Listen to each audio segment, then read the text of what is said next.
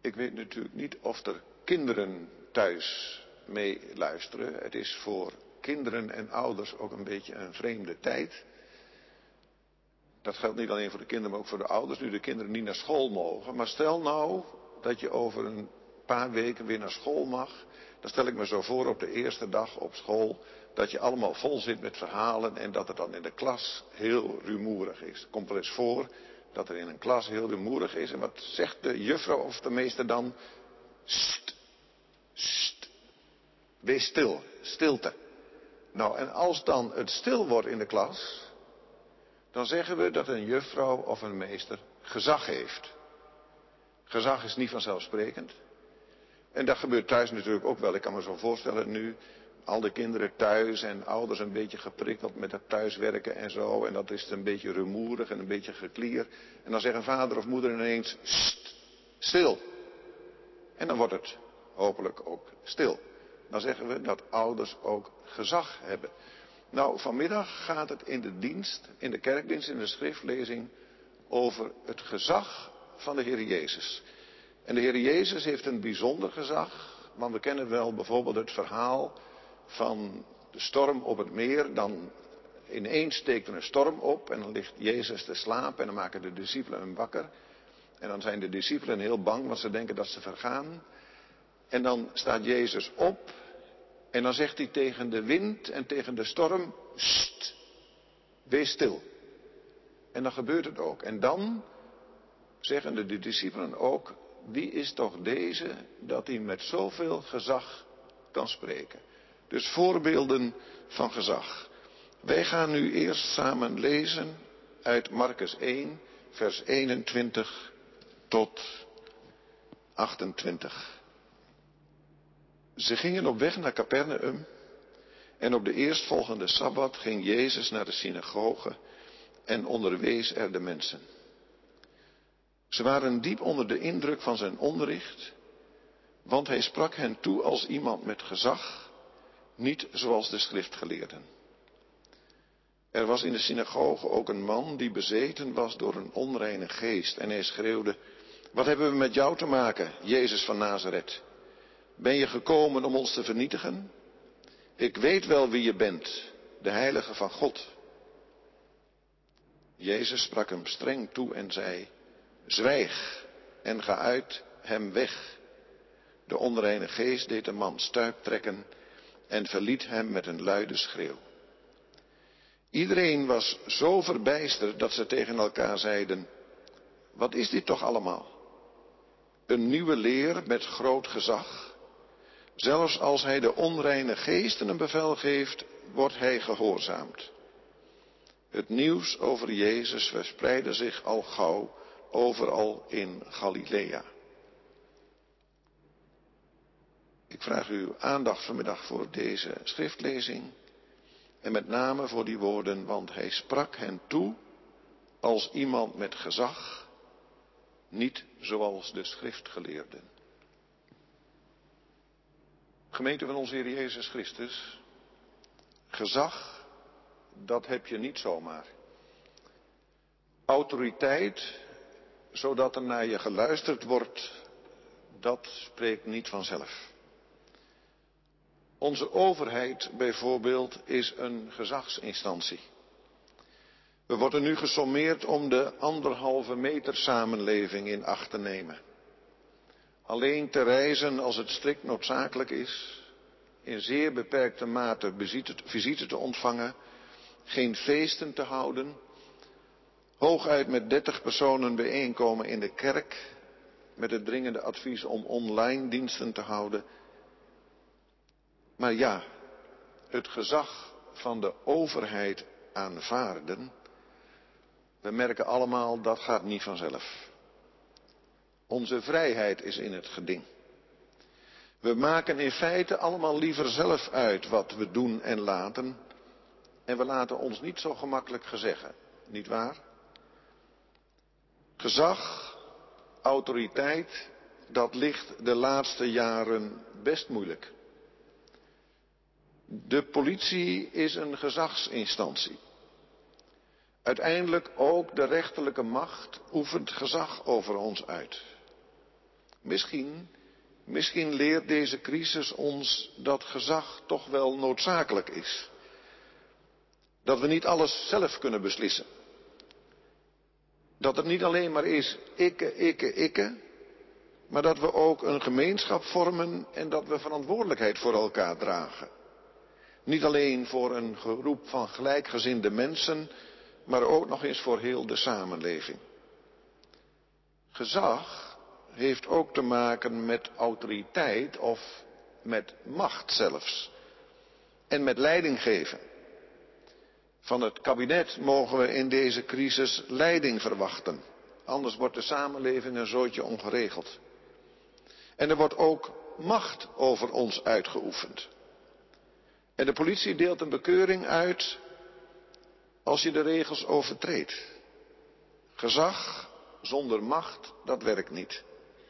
Maar ja, we weten allemaal, zodra het botte machtsuitoefening wordt, dan gaat het fout. Gezag moet ook erkend worden, moet zelfs gewaardeerd worden. Welnu, ook in persoonlijke verhoudingen speelt gezag een rol. Ouders hebben gezag over kinderen. De meester en de juffrouw op school hebben ook gezag. En binnen een kerkelijke gemeente heeft de kerkenraad gezag. Zij bepalen nu bijvoorbeeld hoe we in deze crisistijd de eredienst in stand houden. En u snapt ook wel dat dat geen willekeurige machtsuitoefening is, want er moet dan goed contact zijn met het grondvlak wil het werken. In gezag zit iets wederkerigs. Het moet je verleend worden en de gezagsdrager, dat is minstens net zo belangrijk, moet het ook verdienen. Je kunt je gezag ook verspelen. Ook een overheid kan het gezag verspelen. En ook de politie kan het gezag verspelen. Als de juffrouw op school bijvoorbeeld geen oog heeft voor het welzijn van de leerlingen, dan krijgt ze geen gezag. Ze kan wel macht uitoefenen en iemand de gang opsturen, maar dat is nog wat anders dan gezag. Gezag houdt ook in dat je luistert en dat je tot ontwikkeling komt. In onze tekstwoorden vanmiddag gaat het ook over gezag. En je zou kunnen zeggen, het gaat ook nog over een lessituatie. Het gaat over Jezus en een van de eerste dingen die over Jezus gezegd wordt is dat hij onderricht geeft. Hij geeft les. en waar doet hij dat? In de synagoge. Zeg maar in de Joodse kerk. Daar waar de mensen samenkomen om uit de Joodse Bijbel, uit Mozes en de profeten te lezen. Naast de tempel waar de offers gebracht werden, waren er ook in het land overal synagogen. Want in, ten tijde van de ballingschap, toen de tempel verwoest was en Jeruzalem verwoest was en de mensen gedeporteerd waren, ontstonden er synagogen waar toch de mensen samenkwamen om de geschriften van het Oude Testament te lezen. Op Sabbat. In onze tekst staat ook dat het Sabbat is. Jezus is vertrokken uit Nazareth, door Johannes ondertussen gedoopt in de Jordaan en nu aangekomen in Capernaum. Het is Sabbat. Nou, en wat doe je op Sabbat? Dan ga je naar de synagoge, zoals wij op zondag naar de kerk gaan. En Jezus doet dat ook. Hij voelt zich daar als zoon van God niet te goed voor. Hij zegt niet, nou, ik ben heel bijzonder. Ik weet wel wat er in de Bijbel staat. En ik heb een direct lijntje met God. Voor mij is dat niet nodig. Nee, hij gaat naar de synagoge. En in de synagoge wordt uit Mozes en de profeten gelezen. En die worden uitgelegd. En Jezus geeft daarmee ook aan dat hij zelf leeft uit het Oude Testament. Dat hij het uitgangspunt neemt in de schrift. En is het u wel eens opgevallen dat Paulus later, als hij begint aan zijn zendingsreizen en het evangelie van Jezus verkondigt, dat hij dan altijd begint in de synagoge?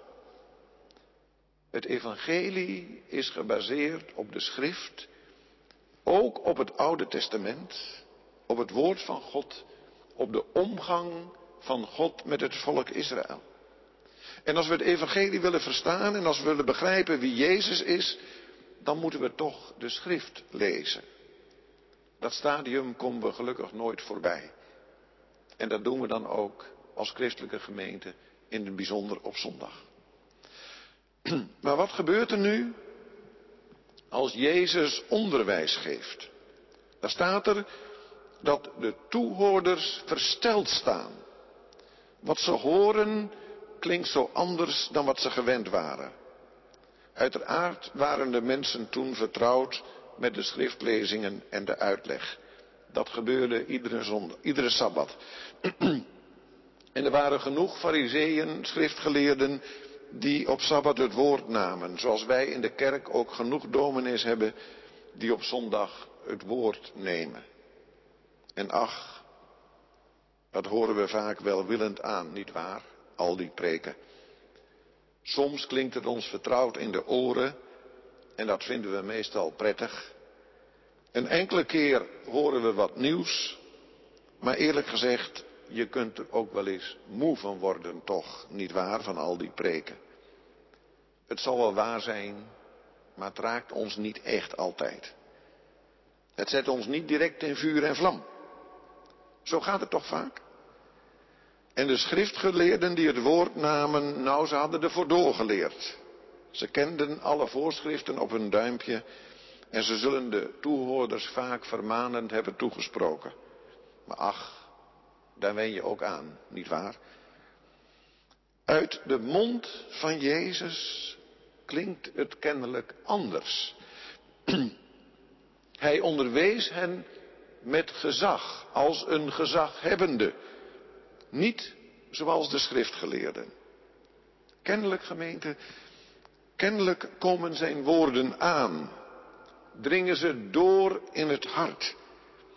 Geen holle klanken, maar vol van geest en waarheid. Er komt een verbazingwekkende autoriteit in mee.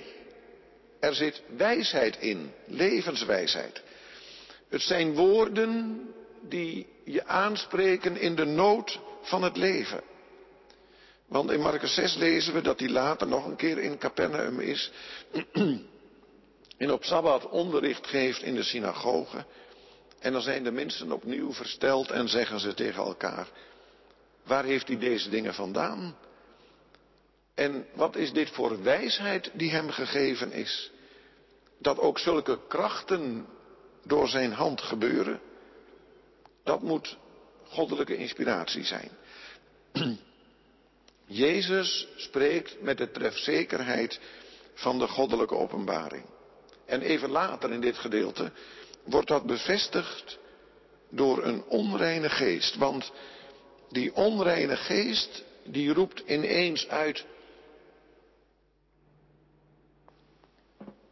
Ik weet wie u bent, namelijk de Heilige van God.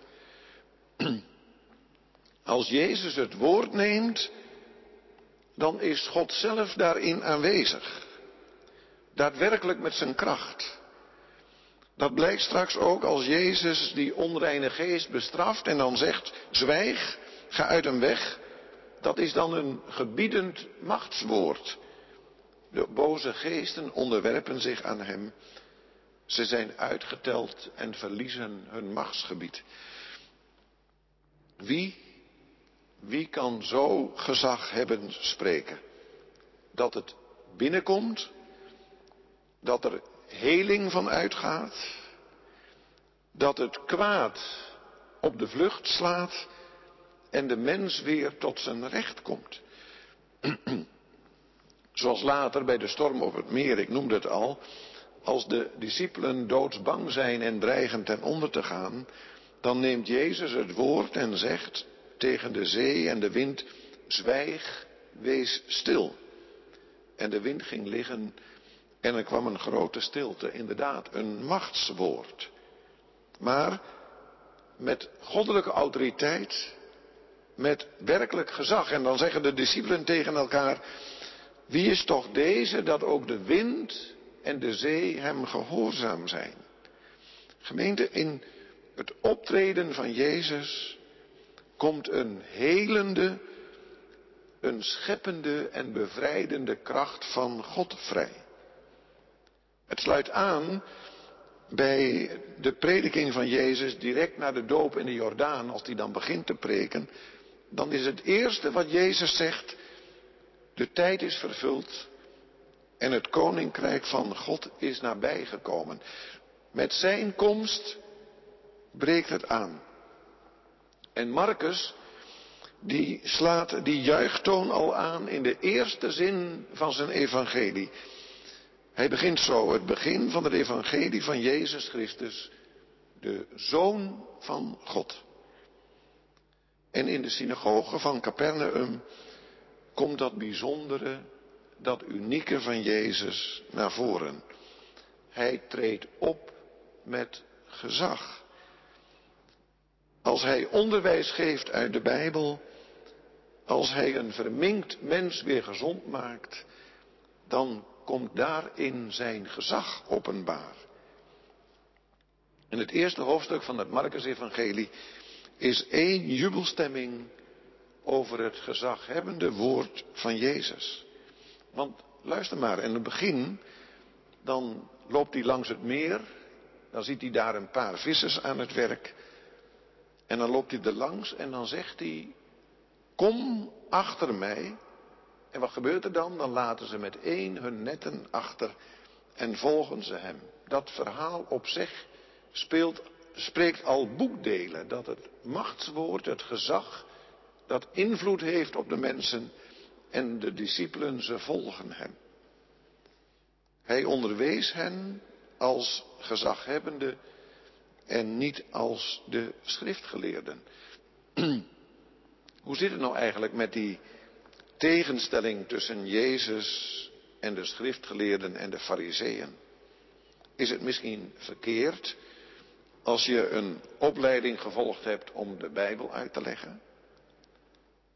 Dominees hebben jarenlang gestudeerd op een universiteit om te mogen preken. En vroeger gaf dat best nog wel eens een beetje aanzien ook onder de mensen. Dat is nu wel voorbij. Want tegenwoordig hoor je ook soms stemmen opgaan die zeggen, al die deskundigheid, al die geleerdheid helemaal niet nodig. Het gaat erom dat iemand spreekt met geestkracht. Dat hij harten kan raken, ontroering teweeg kan brengen. En zijn er niet ontzettend veel boeiende sprekers in vrije groepen die met een verpletterend gezag massa's mensen op de been brengen? Niet zoals de schriftgeleerden, want die kregen ook een gedegen opleiding. Paulus was zo'n schriftgeleerde en die heeft jarenlang gestudeerd op de schriften. En dat merk je ook in zijn brieven, daar komt het Oude Testament heel uitvoerig in ter sprake. En hij had er ook echt zicht op. En de fariseeën trouwens, die kregen niet alleen een gedegen opleiding, ze hadden ook de publieke taak om de schrift uit te leggen en de traditie in stand te houden.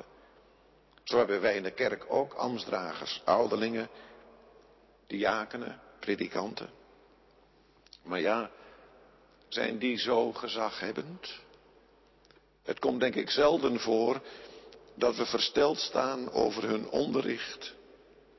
En de conclusie zou dan kunnen zijn, daar moeten we het tegenwoordig niet van hebben. Nou het is in dit gedeelte niet de bedoeling om de schriftgeleerden en de fariseeën af te serveren. Of om de traditie buitenspel te zetten. Alsof het alleen maar zou gaan om een directe inspiratie. Wat dan wel? Wat is dan eigenlijk de bedoeling van dit gedeelte? Laten we dat kort even proberen te bezien. De mensen staan dus versteld over zijn onderricht. Hij spreekt met gezag. Zijn woorden zijn geen loze woorden. Als hij spreekt, gebeurt wat hij zegt. De inhoud, de vervulling komt erin mee. Het woord uit zijn mond is een kracht van God tot behoud. Zegt Paulus dat later niet van het evangelie van Jezus Christus? Hij vat het dan samen en zegt, ik schaam mij niet voor het evangelie van Christus, want het is een kracht van God voor ieder, een kracht van God tot zaligheid voor een ieder die gelooft. Door het onderwijs van de Heer Jezus word je geraakt en tot leven gewekt. En dat wordt in dit schriftgedeelte duidelijk in wat er volgt in de omgang met die man met die onreine geest. Kennelijk was er in het gehoor, onder het gehoor in de synagoge van Capernaum iemand aanwezig die bezeten was door een onreine geest. We weten niet precies wat dat was. Maar als hij de woorden van Jezus hoort, dan verdraagt hij dat niet. Dan raakt hij helemaal van de leg, zou je kunnen zeggen. Ga weg. Wat hebben wij met u te maken? Die onreine geest, die ziet scherp nu de zoon van God mens is geworden. Nu God zelf hier aanwezig is. Dat wordt bonje. Dat gaat niet goed. Bent u gekomen om ons te gronden te richten? Nu, als nu in de aanwezigheid van Jezus de onreinheid en de gespletenheid van de mensenwereld aan het licht komt, dan gaan wij te gronden, denkt die, die onreine geest. En opvallend is gemeente dat in, in dit stukje dat dan die onreine geest precies doorheeft wie Jezus is. Hij zegt, u bent de heilige van God. De andere bezoekers van de synagoge, de mensen die allemaal goed bij zinnen zijn, die vragen zich wel af, wat is dit? En wat is dit bijzonder? Maar komen ze ook nog verder? Zullen ze op den duur tot de beleidenis komen die Petrus later uitspreekt? U bent de Christus. De man met de onreine geest beseft dat God in het spel is. Ik weet wie u bent, de heilige van God. En Jezus, de heilige van God, is gekomen om het demonische uit de wereld weg te jagen. en hoe wordt het leven soms niet beheerst door demonische machten? Het is voor ons niet zo eenvoudig om nou precies vast te stellen wat we daaronder moeten verstaan. Zo'n onreine geest, zo'n demonische macht. Waren het ziekten van de geest, geestesziekten, naast lichamelijke ziekten? We weten maar al te goed hoe zwaar mensen kunnen lijden onder psychisch leed en onder psychiatrische afwijkingen. Hoe mensen zelf daaronder lijden, maar ook hoe een omgeving eronder kan lijden. En hoe ontwrichtend het kan zijn. Tegenwoordig gaan we daar wat anders mee om dan vroeger. Exorcisme, duiveluitdrijving. Boze geesten uitdrijven met een machtswoord. Daar zijn we voorzichtig mee. En bovendien, wij zijn Jezus niet. Dat is ons niet zomaar gegeven. Maar het ontwrichtende, het ziekmakende, het leed wat erin meekomt, dat kan ons wel duidelijk zijn. En Jezus, hij bestraft de onreine geest en legt hem het zwijgen op. En dat laatste, dat hij het zwijgen oplegt, dat is ook weer kenmerkend voor het Marcus-evangelie. Op die manier onthult Jezus zijn goddelijke macht, zijn macht over ziekte en dood, maar het gebeurt wel als teken van het koninkrijk. Het wijst vooruit naar het koninkrijk. Nu hij op aarde is, is de tijd vervuld en het koninkrijk van God nabijgekomen. Maar het blijft voorlopig wel verborgen. Het wordt alleen gezien in het geloof. Het wordt alleen onderkend als we met Petrus beleiden, u bent de Christus. De omstanders zijn verbaasd en ze vragen elkaar, wat is dit? Een nieuwe leer? En ze voelen aan dat er iets bijzonders plaatsvindt. Er straalt gezag van uit. Je kunt er niet zomaar schouderophalend aan voorbij gaan. En bovendien, die woorden van Jezus zijn zo gezaghebbend dat de dingen ook werkelijk veranderen. De onreine geest moet afnokken. En deze man wordt op gezag van Jezus weer gezond en staat opnieuw rechtop in het leven. Gemeente, deze geschiedenis, die wil denk ik het volle licht werpen op wie Jezus is, op zijn weg en werk. En uiteraard is dat een weg te midden van de mensen. Hij sprak tot de mensen in de synagoge en hij spreekt ook tot ons met het gezag van het woord. Hij onderwijst in Mozes en de profeten. En het wonderlijke is dat hij zelf daarin aan het licht komt. Als de zaligmaker en de verlosser. Maar, dat treedt hier dan duidelijk naar voren in dit gedeelte, zal het ook geloof vinden op aarde.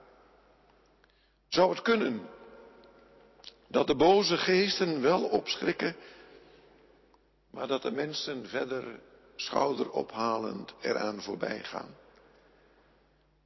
Dat we niet tot de beleidenis komen, u bent de Christus, onze Verlosser. Is deze geschiedenisgemeente, die Jezus zo in het licht stelt, ook niet een uitnodiging om Hem met dankbaarheid en vreugde te aanvaarden als Zoon van God, als onze Verlosser. Wat een vreugde als Hij gezag over ons krijgt. Wat een heling en een genezing als Hij het voor het zeggen krijgt in ons leven. En als Hij de boze aan de kant schuift. En wat kun je dan ook genieten van zijn onderricht? Zijn de gelijkenissen niet kenmerkend voor het onderricht van Jezus? En wat zit er in die gelijkenissen? Wat zit daar een levenswijsheid in? Hij doorziet het leven. De wijsheid die bij God was, is in Jezus mens geworden en heeft onder ons gewoond. Hij is diep menselijk, want als je de gelijkenissen leest, en u kent die gelijkenissen wellicht wel, bijvoorbeeld het gelijkenis van de zaaier. Nou, zo'n gelijkenis kun je alleen maar vertellen als je ook goed gekeken hebt hoe het eraan toe gaat in de mensenwereld. Het zaad wat op steenachtige plaatsen valt, geen wortel schiet. Het zaad wat door dorens verstikt wordt. Als Jezus de gelijkenissen vertelt, valt mij altijd op dat hij dan zozeer mensenkennis heeft inziet wat er gebeurt in het leven. En daaraan zie je dat Jezus niet alleen de Zoon van God is, maar ook waarachtig mens is geworden. Komt die wijsheid ook niet aan het licht in de andere toespraken van Jezus in zijn zaligsprekingen, in andere opmerkingen?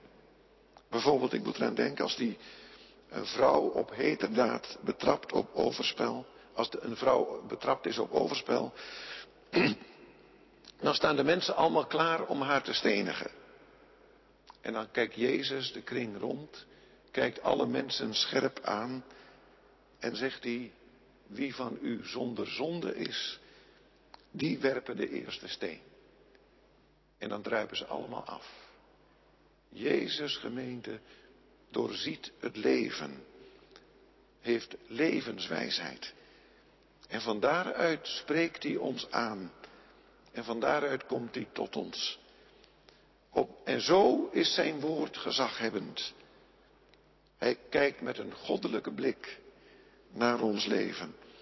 En daarom, gemeente, laten we Jezus Christus aanvaarden en aanbidden als onze redder, als onze zaligmaker. Lof zij Christus. Amen.